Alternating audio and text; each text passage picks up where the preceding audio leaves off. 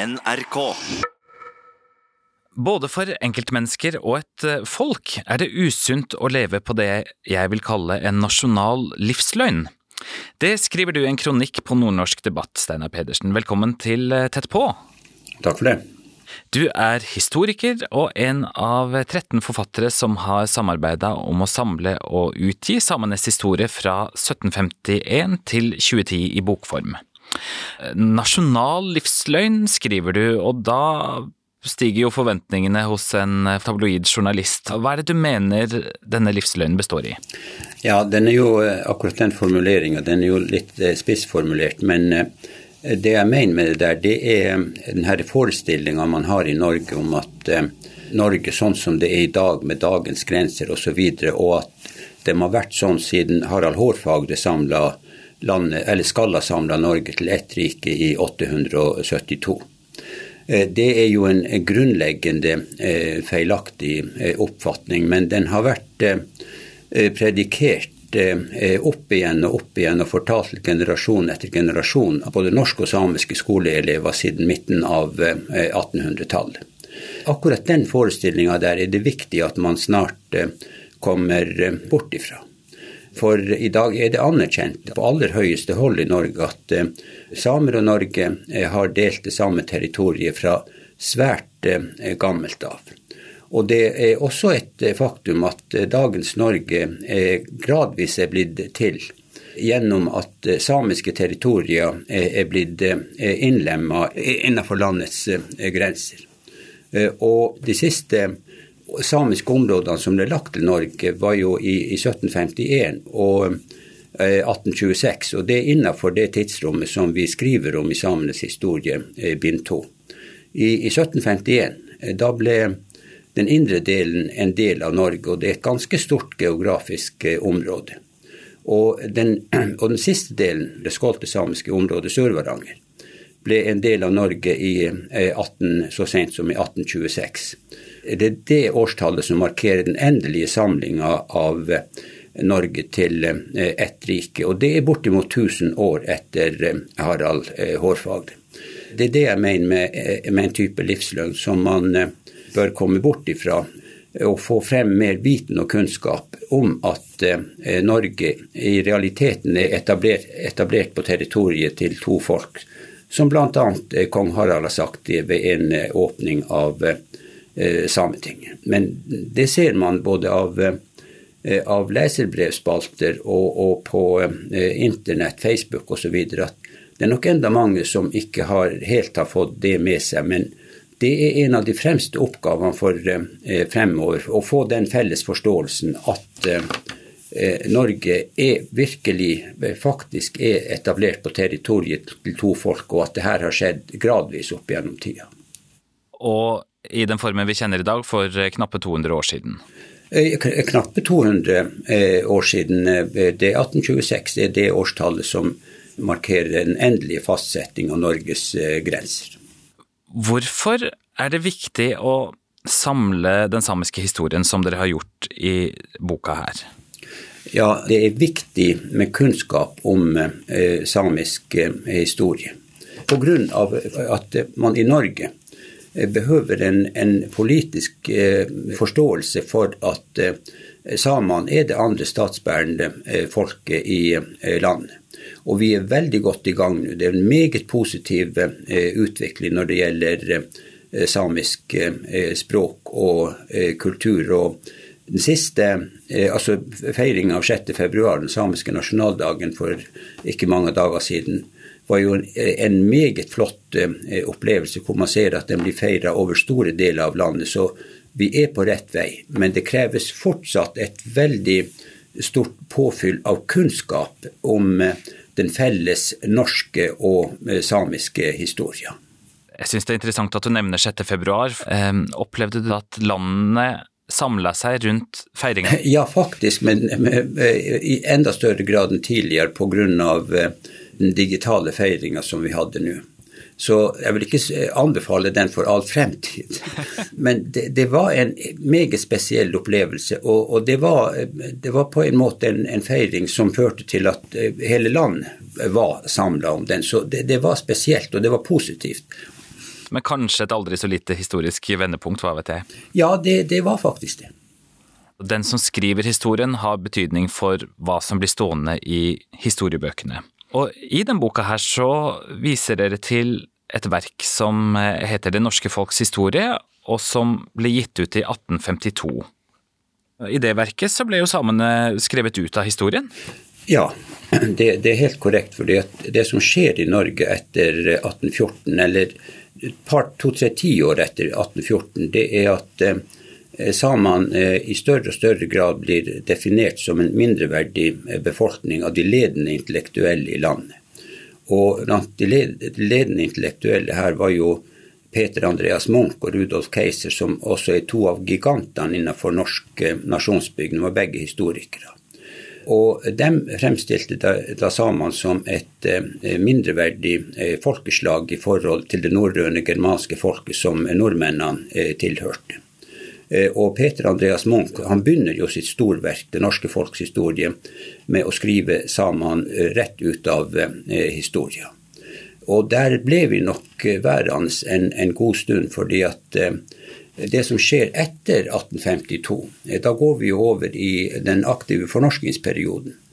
Og jeg vil nok si at eh, i det par tusenårige samlivet, iallfall mellom samer og nordmenn på det felles territoriet som i dag er Norge, så er nok perioden fra midten av 1800-tallet til godt etter midten av 1900-tallet en av de eh, aller eh, mørkeste og et av de mest dystre eh, kapitlene i denne felles historien, hvor majoritetsfolket da med mange tenkelige midler gjorde det man kunne for å undertrykke både språket og kulturen til det andre folket, som hadde en like lang forhistorie på territoriet som nordmennene, nemlig det samiske.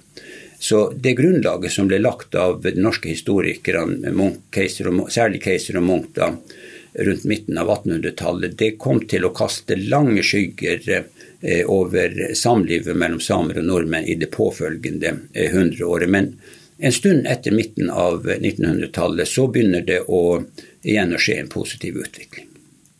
Og måten Munch gjorde det på i, i det norske folks historie var jo ganske Han tok jo noen snarveier, da, for han skriver at Norge var altså nok på en måte bebodd, men ikke bebygget før våre forfedres ankomst.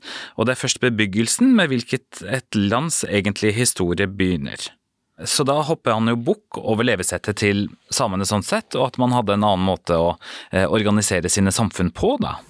Ja, det, det er korrekt. fordi at eh, både Keiser og Munch definerte eh, samene som et nomadisk folkeslag. og på den tida så ble jo nomadisme regna som et lavere trinn av kultur enn jordbruk. Og Det som også er interessant med både Keiser og Munch, det er jo at de fremstiller den norrøne germanske innvandringa som Eh, både begynnelsen til siviliseringa eh, av Norge, og også at eh, det her var bønder som kom. Og de tok jord til odel, og det var kun på den måten jordeiendom ble skapt. Og vi fikk jo også praktiske utslag for det som skjer i 1848 og Finnmark. Da blir nemlig Finnmark definert som et Eh, område som har tilhørt staten fra, fra, de eldste tider, fordi at det kun var bebodd av et nomadefolk, lapperne som det står, eh, uten faste boliger. Og, og et nomadefolk hadde ikke noen eiendomsrett til jord. Og, og det, det, var de jordbrukende nordmennene som hadde. Og Derfor slo, slo, man da i 1848 både regjering og storting fast at fra de eldste tider så eh, har eh, kongen eller staten eid Finnmark som en privatperson. Det ble tolkninga veldig, veldig raskt. Og det her er jo ting som vi, som vi, fortsatt diskuterer og sliter med i dag. Sånn at uh, den historia er også svært viktig for, uh, for, å forstå dagens rettstilstand, og for å forstå hva slags løsninger man kommer frem til når det gjelder jordrettighetsforholdene i dag. Så um, Keiser og Munchs definering Eh, av samene som et eh, mindreverdig, ikke jordbrukende folkeslag rundt midten av 1800-tallet. Det er det fortsatt mennesker i Norge som tror på i dag. Men møtte det synet noen form for motstand, eller aksepterte man det i offentligheten som en slags sannhet eller noe man kunne leve med? Det var visse meningsbrytninger, men var, eh, det var nok en mainstream oppfatning som eh, Keiser og Munch var med på å skape. Men, men der var stemmer som eh, tok til motmæle mot, mot, det synet der. Og blant dem var jo Stockflett. Han var en av dem som opponerte mot at samene alltid skulle vike for jordbruk. Og nå tenker jeg på reindriftssamene. Han var meget klar på at eh, sånn kunne det ikke være. Samene var norske borgere og hadde rettigheter, grunnlover, som eh, alle eh, andre.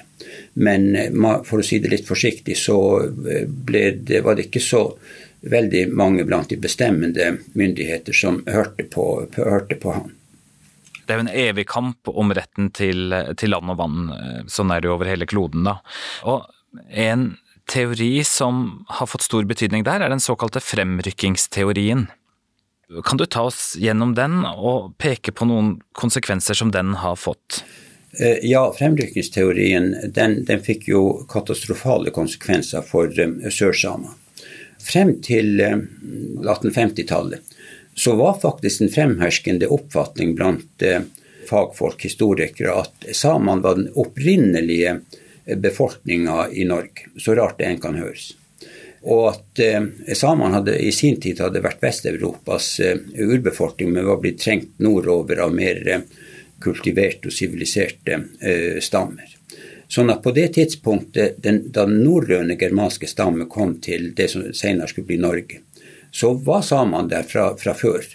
Men, men, det var et vilt og usivilisert folkeslag som eh, ble fordrevet til de, som det heter, til de ytterste utkanter, som Keiser skriver.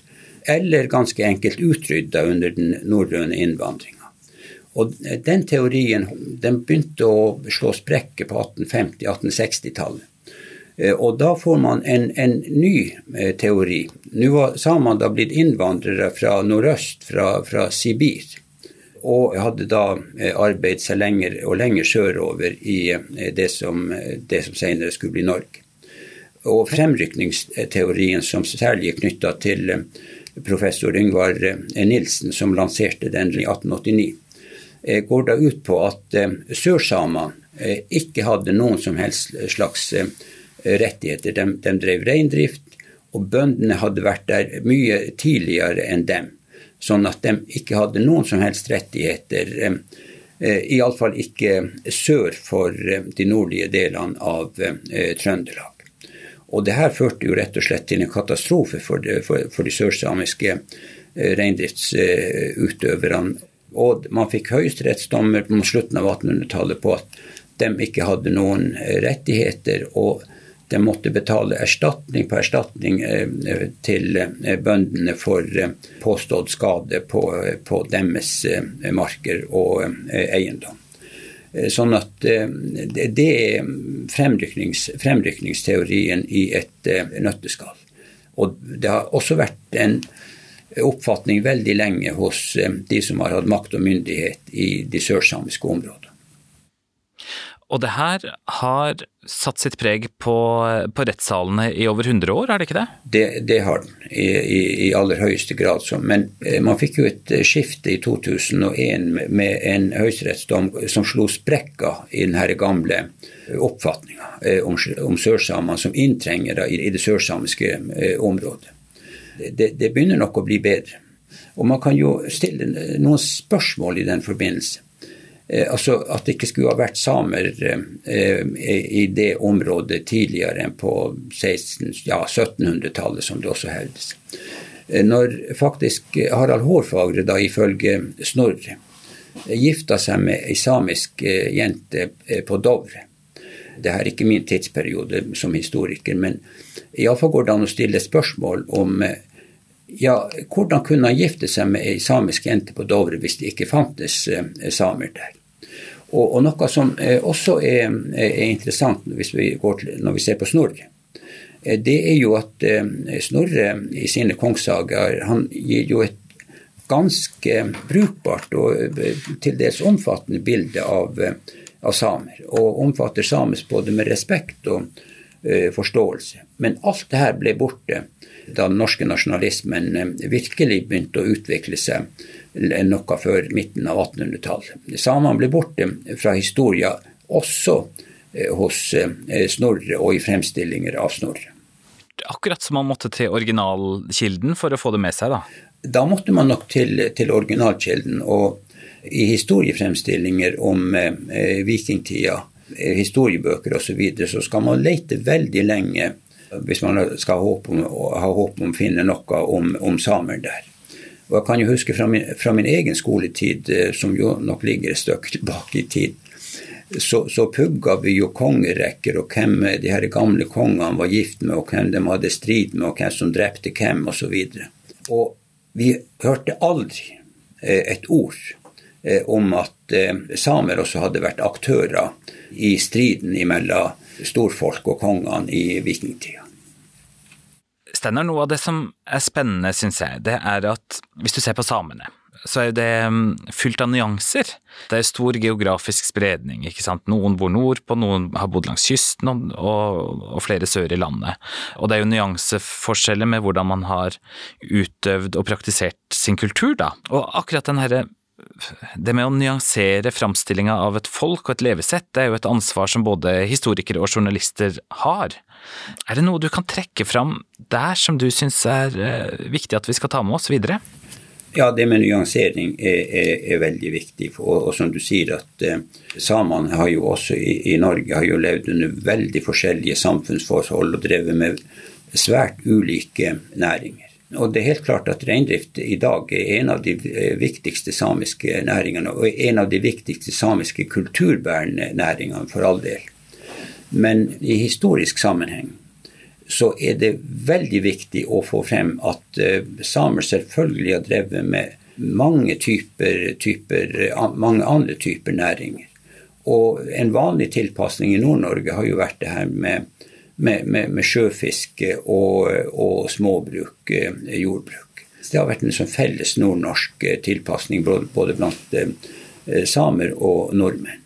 Men du, du, har jo eksempler på, ikke så mange, veldig, veldig mange hundre år tilbake i tid, at eh, samer i enkelte områder i Norge de, de, de var smeder, de var, de var, dyktige båtbyggere, og de var dyktige eh, fiskere osv. Så, den samiske historien den er jo på mange måter eh, like fasettert som den, som den norske. Eh, og Det som også er, er viktig å, å, å, få frem i en sånn historisk sammenheng, det er jo at eh, samene også tidligere har hatt veldig stor eh, råderett over egne områder og over egne ressurser. Bl.a. ser man fra Finnmark på 1700-tallet eh, at eh, fjordområdene var, det, det, det var definert i, i, første rekke som samiske. Og at eh, norske menn Eh, som ønska å gifte seg med eh, samiske kvinner. Ja, de, Selvfølgelig kunne de det, men da måtte de flytte inn i de samiske fjordene og som det heter, å være på linje med den såkalte finneallmuen, dvs. Si samene. Men det var også en måte å få adgang til de ressursrike områdene inne i fjordene som det ikke uten videre var sagt at de kunne slå seg ned.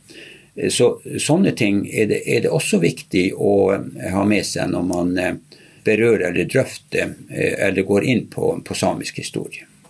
Jeg sitter og tenker at fornorskningspolitikken og fornorskningsperioden, den burde man jo hatt minst en episode å, å, snakke om, så jeg tenkte ikke vi skulle snakke sånn fryktelig mye om det. Men et perspektiv som jeg syns er spennende, og jeg vet ikke om du kan svare på det her, eller om du ønsker å svare på det som historiker, Steinar, men er det mulig å tenke seg hvordan samfunnet hadde sett ut uten fornorskninga? Hva hadde Sápmi vært da, på norsk side? Ja, ja det, der er et, det der er et veldig, veldig interessant eh, spørsmål. og Akkurat nå kommer jeg ikke på noen som har, eh, har prøvd å skissere hvordan, eh, hvordan forholdene ville sett ut. Men en ting som iallfall tror jeg er ganske klar, det er at eh, samisk eh, språk og kultur ville hatt en helt annen status i dag enn det språk og kulturen har. Og man ville hatt store områder i Nord-Norge, og kanskje delvis også i sørsamiske områder, hvor samisk samiske språket ville vært det fremherskende og dominerende språket enda i dag. For det er jo ingen tvil om at fornorskingsprosessen utrydda språket i store områder. Så hvis fornorsking ikke hadde skjedd, så, så, ville man hatt et levende samisk språk og en levende samisk kultur i mye større geografiske områder enn i dag. Men det her bygger altså ikke på noe forskning. Det, det, det er en synsing. Ja, jeg, jeg, vet jeg setter deg i en vanskelig situasjon der, det var bare for å tenke høyt. du, det er jo ikke uvanlig at folk syns at det er urettferdig å betale skatt, men hvordan har samer blitt skattlagt? Ja, Det med skattlegging det er jo også et viktig felt. fordi at eh, i Finnmark, som jo faktisk var Norges eller Danmarks eh, interne koloni eh, ganske lenge, og man hadde jo eh, en del kolonilignende eh, bestemmelser for det her eh, amtet. Fra slutten av 1600-tallet så prøvde danske myndigheter å styrke det norske elementet i Finnmark. Det var norsk befolkningsnedgang da.